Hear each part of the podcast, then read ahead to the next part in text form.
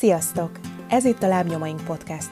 Én Steiger Ancsa vagyok, és ezekben a beszélgetésekben a teremtésvédelem, fenntarthatóság, környezettudatosság, én védelem, zöld szemlélet, zero waste, kinek-kinek a számára legtöbbet jelentő címke alá tartozó témákkal foglalkozunk. Tetteink, lehetőségeink, példák. Ezek a lábnyomaink. Tartsatok velünk! Az első beszélgetésben megismerhetitek a történetemet, egyfajta tanúságtételt hallhattok – ez a beszélgetés indított el arra, hogy foglalkozzak ilyen keretek között is a témával, úgyhogy hála neked, Kami. És azt érzem, hogy, hogy van, van feladatom, vagy van misszióm ezzel, hogy vallásosként hogyan nézek rá erre a, erre a témára.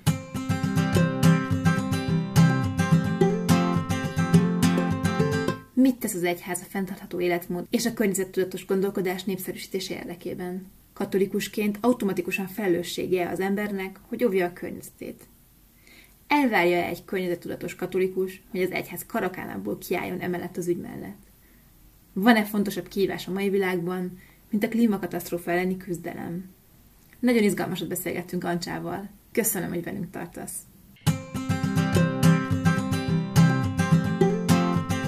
Szia, Ancsa! Nagyon örülök, hogy itt vagy, és elfogadtad ezt a a kivételes felkérést. Arra gondoltam, hogy, hogy beszélgethetnénk egy kicsit arról, hogy, hogy az egyház és a fenntarthatóság hogyan függ össze, hogyan ér össze.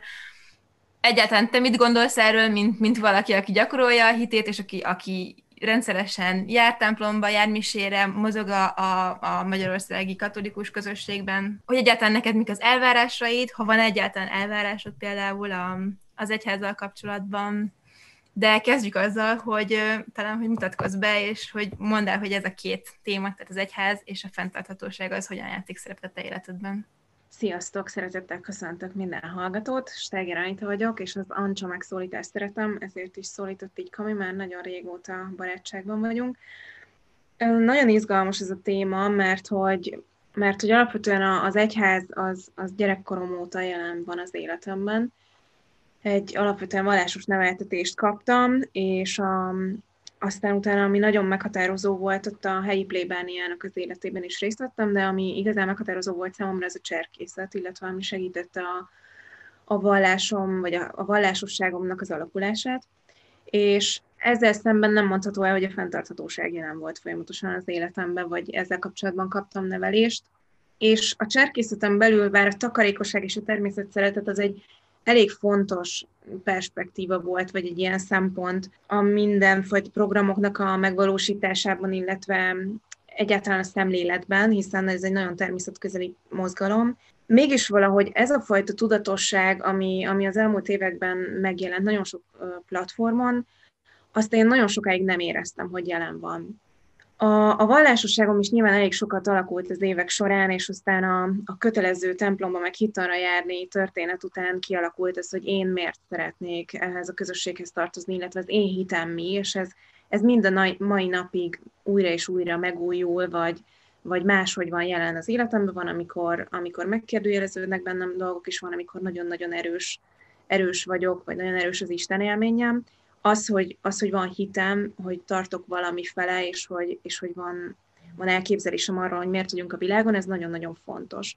A fenntarthatóság pedig úgy jelent meg az én életemben nagyjából két éve, hogy volt nekem egy, és itt, itt végül is összekapcsolódik valamennyire már a legelején a vallásosság és a, és a fenntarthatóság, volt nekem egy, vagy van nekem egy bérma anyám, ami azt jelenti, a bérmálkozás a katolikus egyházban tulajdonképpen azt jelenti, hogy egyfajta felnőtt elköteleződés afelé, hogy te szeretnél az egyháznak a tagja lenni, és, és szeretnél um, vallásos felnőttként részt venni mindabban, ami történik.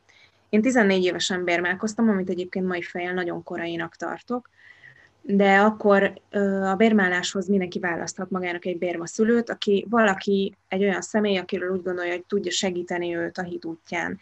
Nekem ez a személy Bézsú, és Bézsú nagyon fontos része az életemnek, és többek között ő volt ez, aki elkezdett ezen az egész fenntarthatóság útján járni, és nagyon finoman kezdte el valahogy az én életemben is ezt megmutatni. Sose erőszakolt rám semmi olyat, ami ezzel kapcsolatos. Egyszerűen ő, ahogy élt, illetve amilyen ajándékokat kaptam tőle, vagy ahogy láttam a, az életmódját, azáltal kezdett el összekapcsolódni ez, és szerveztünk egy cserkész fesztivált, amelynek az ötlete belőlem pattant ki, de Bézsút is megkértem, hogy segítsen főszervezőként, és a cserkészet alapjaira támaszkodva az volt a gondolatunk, hogy nagyon jó lenne, hogyha ez egy zöld fesztivál lenne, vagyis megpróbálnánk a hulladéktermelést minimalizálni, és amennyire lehet a témák között is minél jobban behozni ezt a szempontot.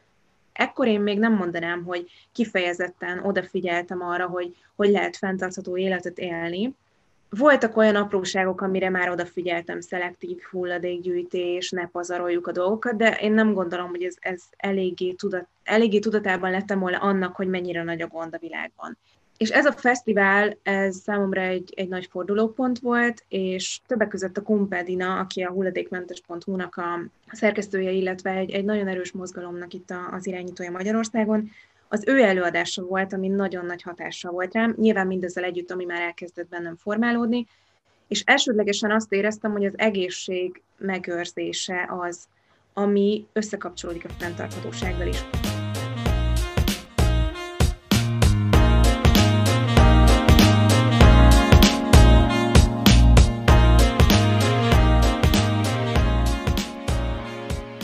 Ez egy, ez egy nagyon izgalmas terület olyan szempontból, hogy ezt mondhatjuk egy én védelemnek is.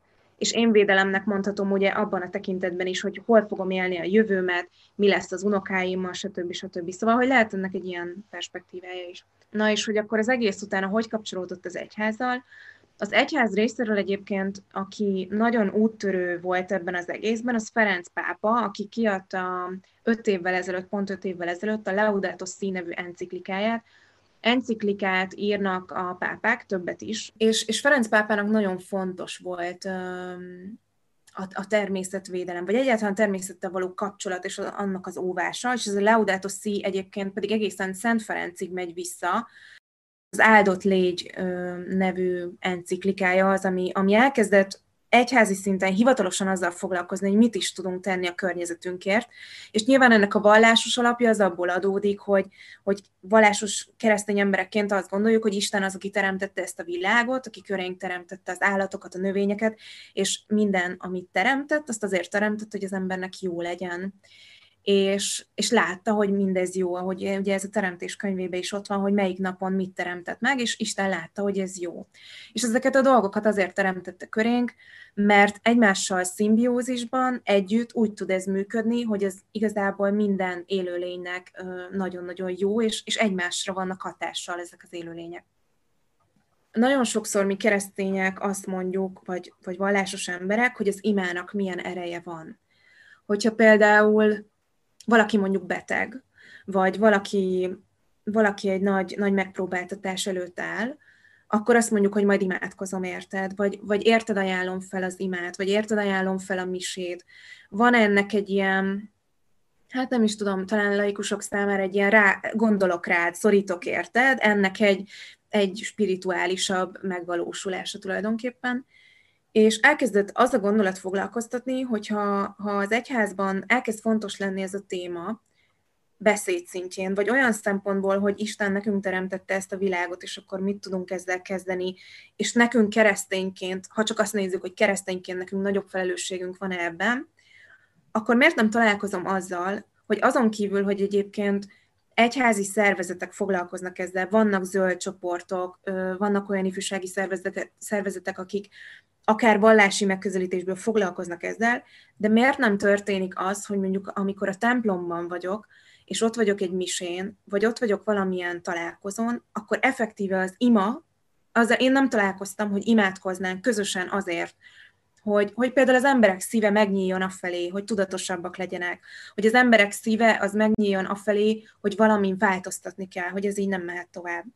És ennek hatása volt az, hogy én a Facebookon létrehoztam egy csoportot, ez most volt egy éves, aminek az a, a One Post for the Planet mintájára azért, hogy legyen egy magyar neve, ezért az lett a neve, hogy egy ima a bolygónkért. Hashtag egy ima a bolygónkért. Uh-huh. ebbe a csoportba elkezdtem összegyűjteni azokat az embereket, akikről tudtam, hogy, hogy vallásosak, és, és, illetve meghívtam ezeket az embereket, és akik, akik érdeklődtek ez iránt, azok csatlakoztak, és igazából a célja ez ennek az, hogy minden nap legyen egy valaki, aki az ima szándékait azért ajánlja fel, hogy, hogy az emberek szíve az kezdjen el formálódni ez iránt. Ez úgy néz ki, hogy, hogy lehet kiírni ezzel kapcsolatban egy imát, vagy egy gondolatot, vagy egy képet kitenni, vagy, vagy bármi olyat, ami inspirálta aznap a, az adott egyént, de az is lehet, hogy csak magába mondja.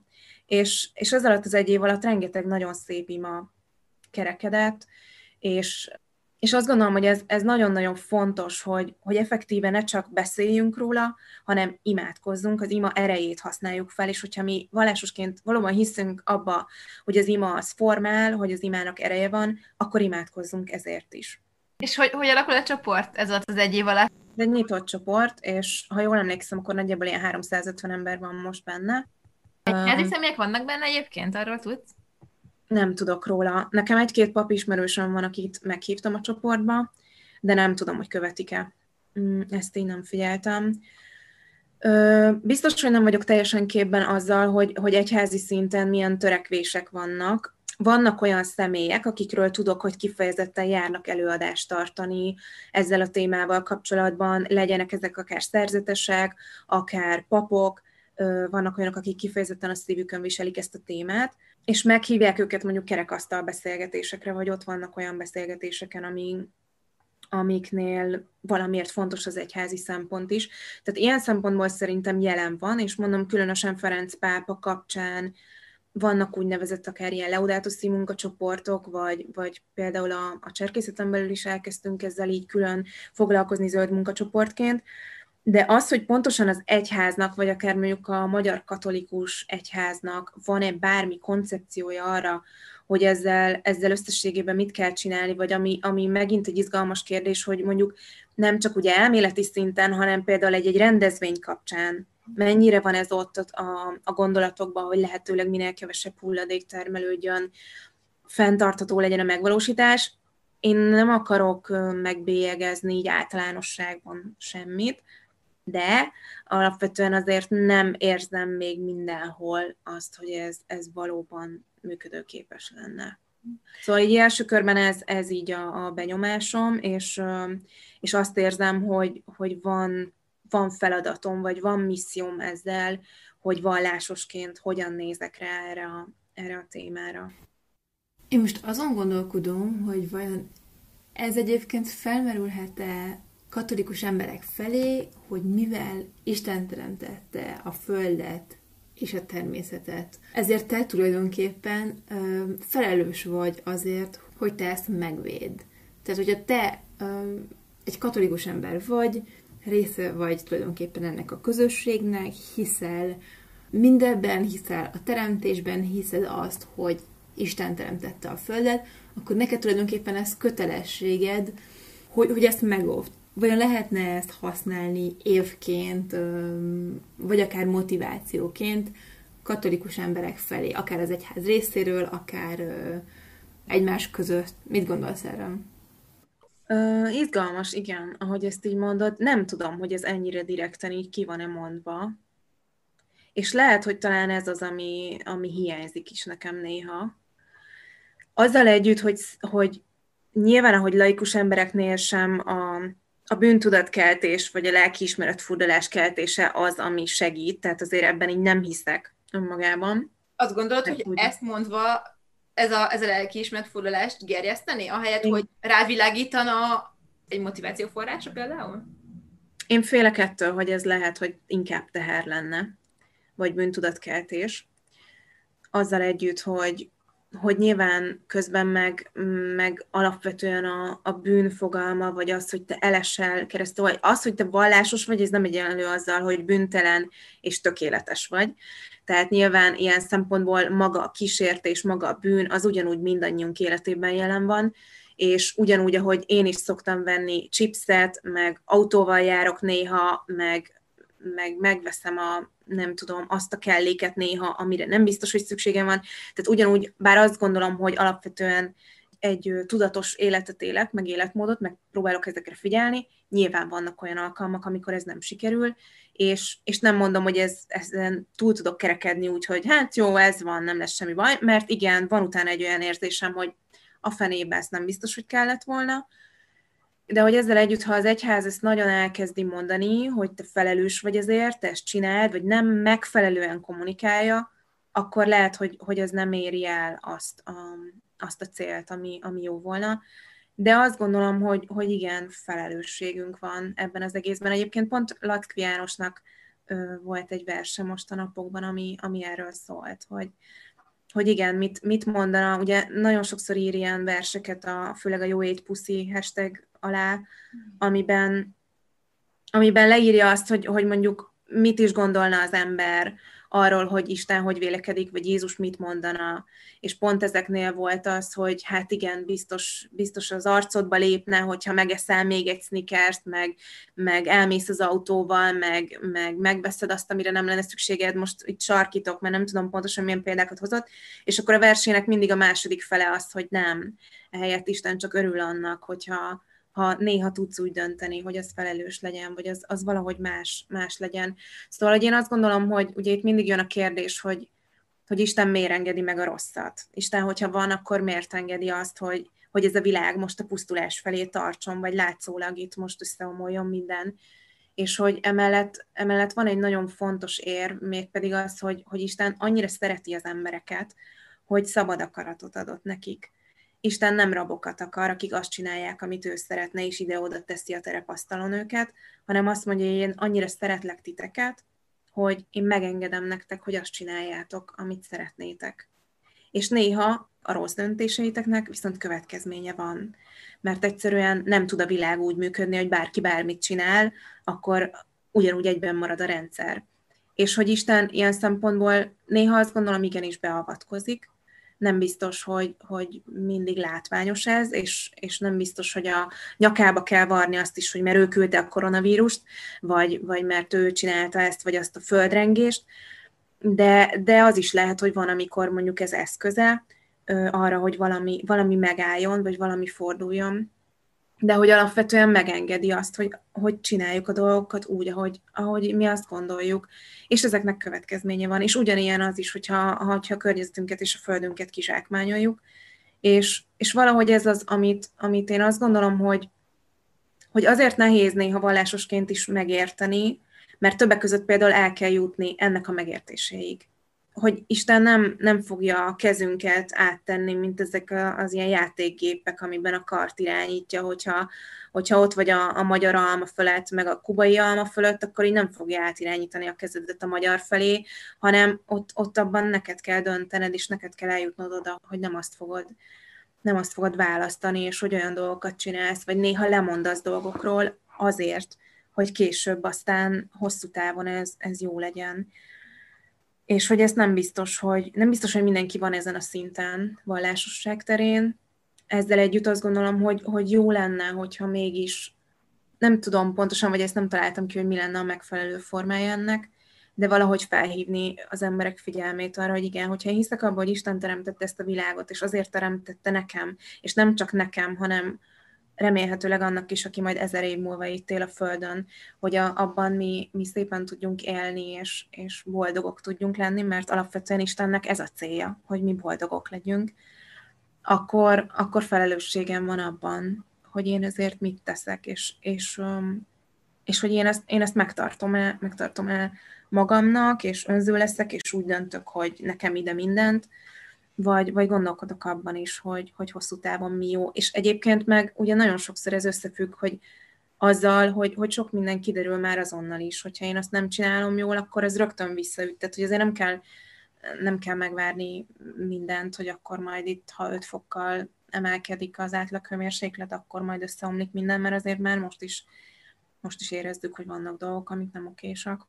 Neked, mint vallásembernek, van-e elvárásod tulajdonképpen az egyház felé, hogy, hogy álljanak bele ebbe a témába, tehát valószínűleg van bibliai alapja, van, van mire hivatkozni, nyilvánvalóan, hogyha van mögött koncepció, akkor erre egy hiteles retorikát, egy hiteles, pozitív irányba fókuszáló, tehát nem bűntudatkeltő, hanem egy pozitív retorikát fel lehetne erre építeni, ami abszolút ö, nyilvánvalóan egy, egy közösségépítő, motiváló retorika, vagy már-már kvázi mozgalom is lehetne, ha úgy tetszik, ami gyakorlatilag helyi szinten is elindulhat, tehát egy darab vidéki falusi szerzetes vagy pap is elkezdheti azt a, azt a gondolatmódot, azt a retorikát, ami, ami utána szájról szájra terjed, de nyilvánvalóan ez lehetne egy elég egy komoly országos szintű, vagy akár, akár a, a pápa környékéről, vagy az ő személyből kezdődő, fakadó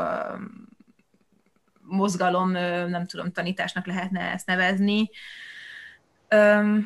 Tehát, hogy igen, általad, vagy bárki más által, aki, aki valós emberként figyel a környezetére és próbál tudatosan élni, támad-e vagy támasztható egy ilyen elvárás egyház felé, hogy, hogy igen, hatalmas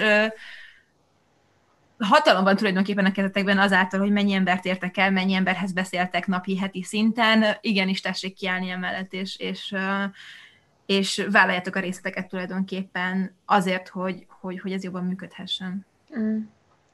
Hát én, én elvárnám, most ez nehéz innen, mert az az érzésem, hogy én most ezt egy nagyon szűk mesdjén látom, vagy egy bizonyos szempontból vannak elvárásaim, és valószínű, hogy, hogy az lenne sokszor a választ akár globálisan, hogy vannak, nem tudom, hogy lehet ezeket így sorrendbe tenni, de hogy vannak kvázi fontosabb problémák, vagy, vagy nem tudom, a szegénység, a hajléktalanság, a, az öngyilkosság, a kiábrándultsága, nem tudom. Szóval, hogy, hogy hogy lehet megtalálni ezeket a témákat úgy, hogy valahogy összeérjenek, valahogy olyan, mint hogyha mégis ez a, ez a fajta környezettudatosság, ami egyébként, hogy őszinte legyek bennem, nagyon sokáig ott volt, hogy ez a környezettudatosság, fenntarthatóság, ez egy ilyen nagyon snob dolog.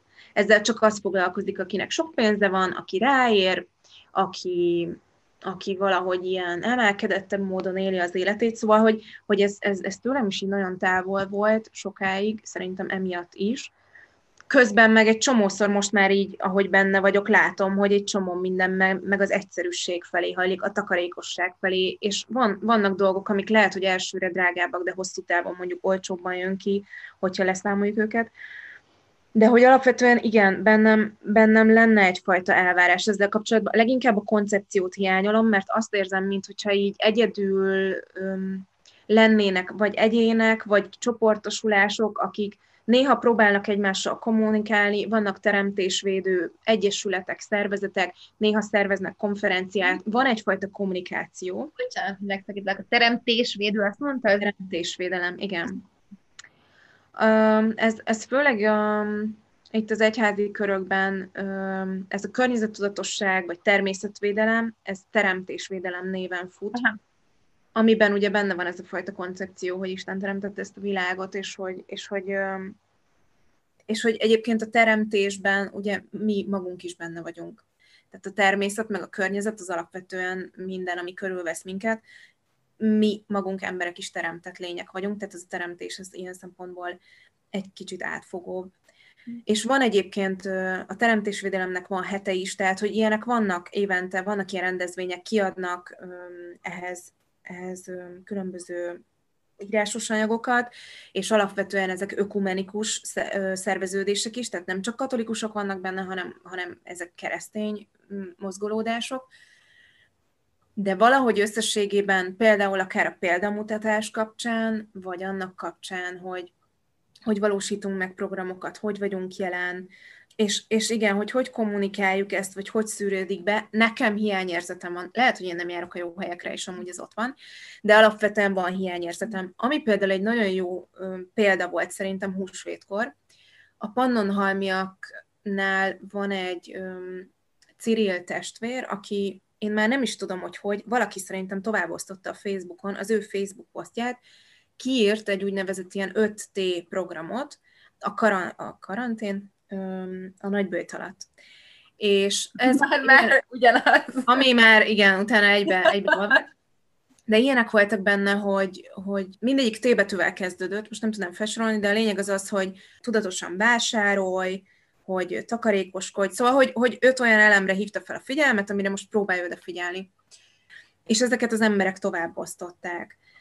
Én hiszem azt, hogy ezek például el tudnak jutni úgy is, hogy, hogy alapvetően mondjuk nem vallásos emberek találkoznak ezzel, és végül is ebben nincs is semmi olyan, ami, ami kifejezetten vallásos lenne, mégis egy, egy szerzetes testvér elkezdte ezt megcsinálni, és utána ennek, ennek így híre ment, és, és sokan használták.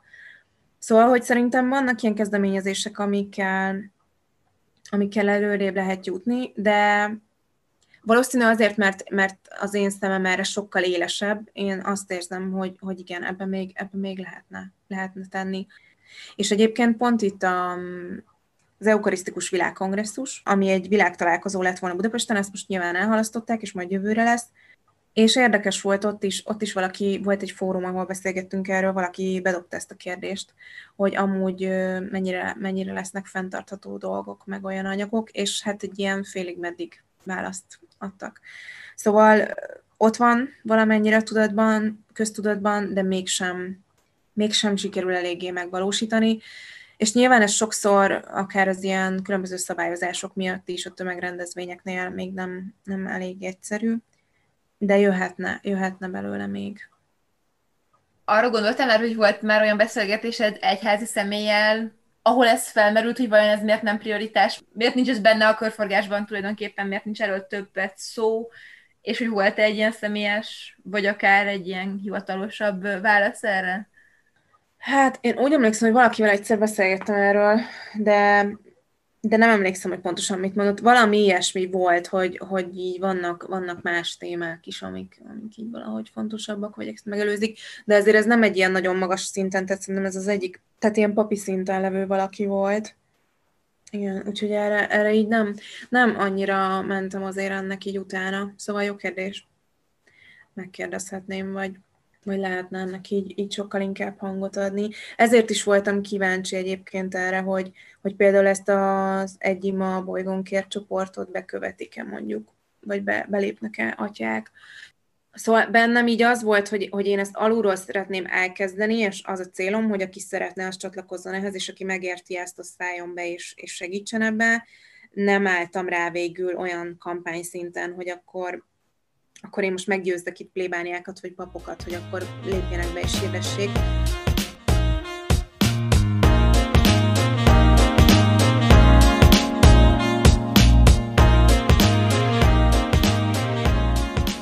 Nehéz az ilyen szempontból egyetért, vagy együtt érzek azzal, hogy vajon ez miért nem, miért nem megy jobban, mert pont talán a saját tapasztalataim miatt, hogy nekem ez hogy indult el, vagy mi az, ami át, átmozgatott ebbe. Ez az egész téma akkor tud működni, hogyha ha valaki tényleg megtalálja a saját választát, és mind a mai napig van, amikor amikor kiteszek egy-egy posztot, és akkor van egy-egy notórius lelkes ember, aki kommentál, vagy üzenetet ír, és leírja egy oldalba, hogy szerintem miért nincs értelme ennek vagy annak.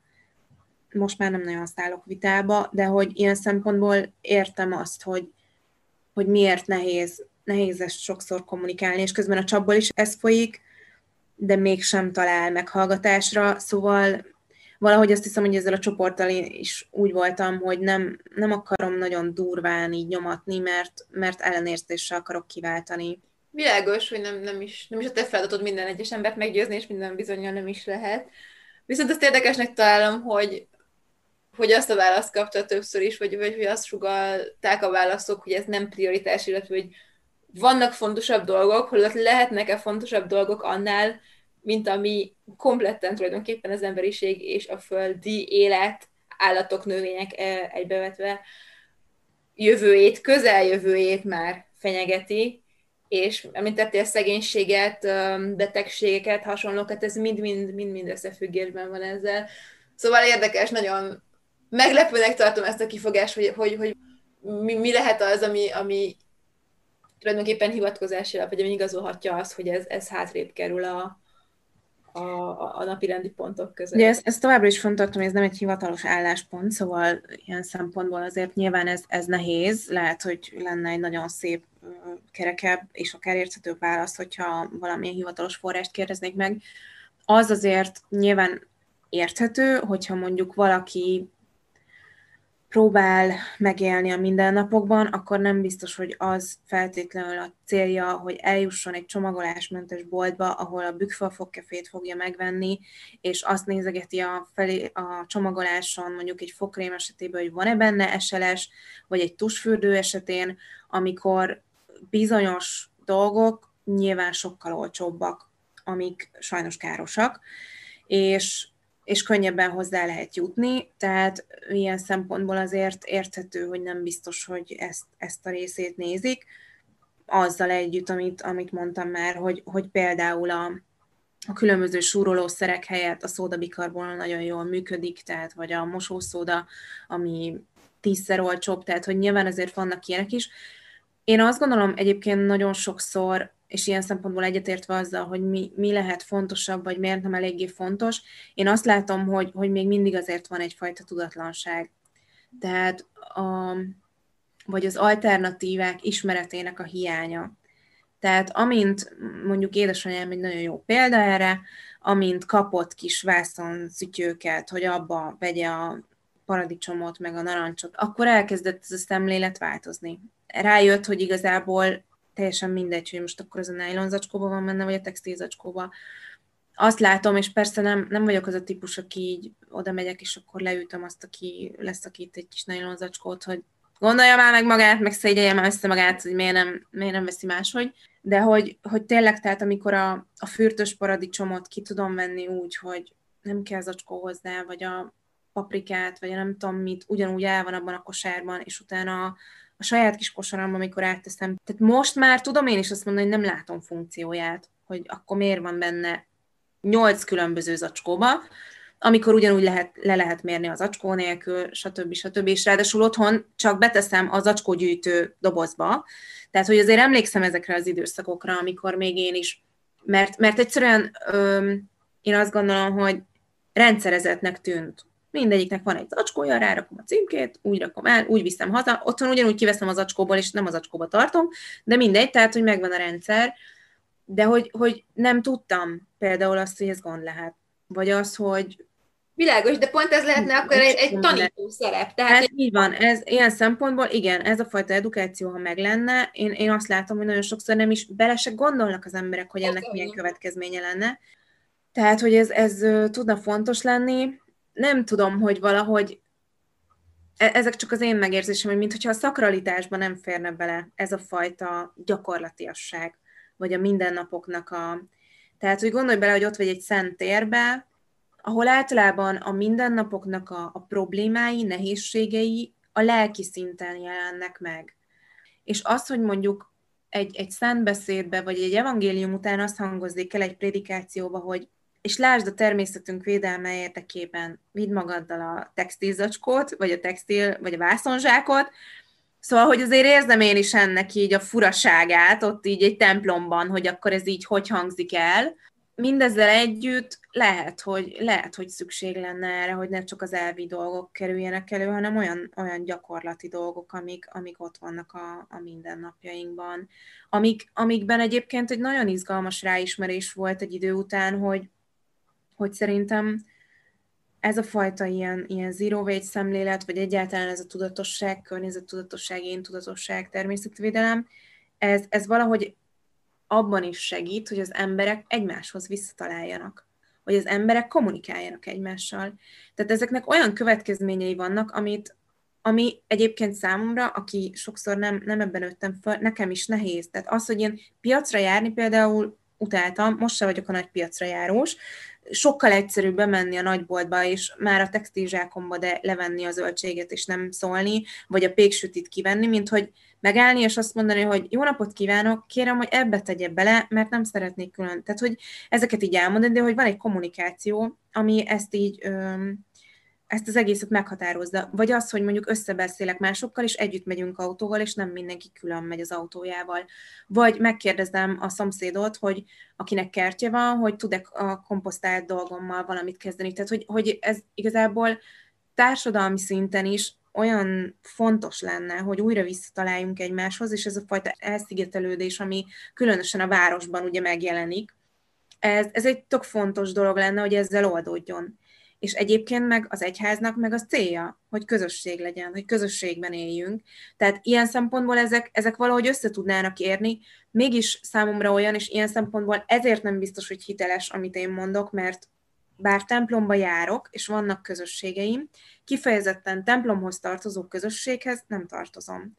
És lehet, hogy a plébániai életben vannak olyan kezdeményezések, amik kifejezetten ehhez a, ehhez a gyakorlati élethez, vagy a megvalósításhoz kapcsolódnak. Biztos vannak ilyen, ilyen területek, ahol ezzel próbálkoznak, meg ahol, ahol erre hangsúlyt fektetnek. De hogy mondom, hogy valahogy ez a, ez a szakralitás és a, a gyakorlatiasság kézzelfogható szinten hogy tud összekapcsolódni, ez, ez egy izgalmas kérdés. Szívesen, szívesen beszélnék amúgy erről így, így papokkal. Bennem az is kérdés, hogy, hogy tényleg tényleg papok, és volt, volt ilyen, ilyen megélésem, mondjuk ilyen kerekasztal beszélgetésen, hogy annyira szívesen hallottam volna ezektől az emberektől, hogy ők mit csinálnak a mindennapokban. Azon kívül, hogy ez fontos. De hogy akkor most ide biciklivel jött? Akkor itt van a kulacsa? Akkor ő mosószódával mos? Akkor komposztál? Tehát, hogy konkrétan mik azok a dolgok, amiket ők csinálnak, és nem csak elvi szinten. És ilyen szempontból biztos, hogy kevésbé fog egy pap ezekről beszélni, ha nem csinálja.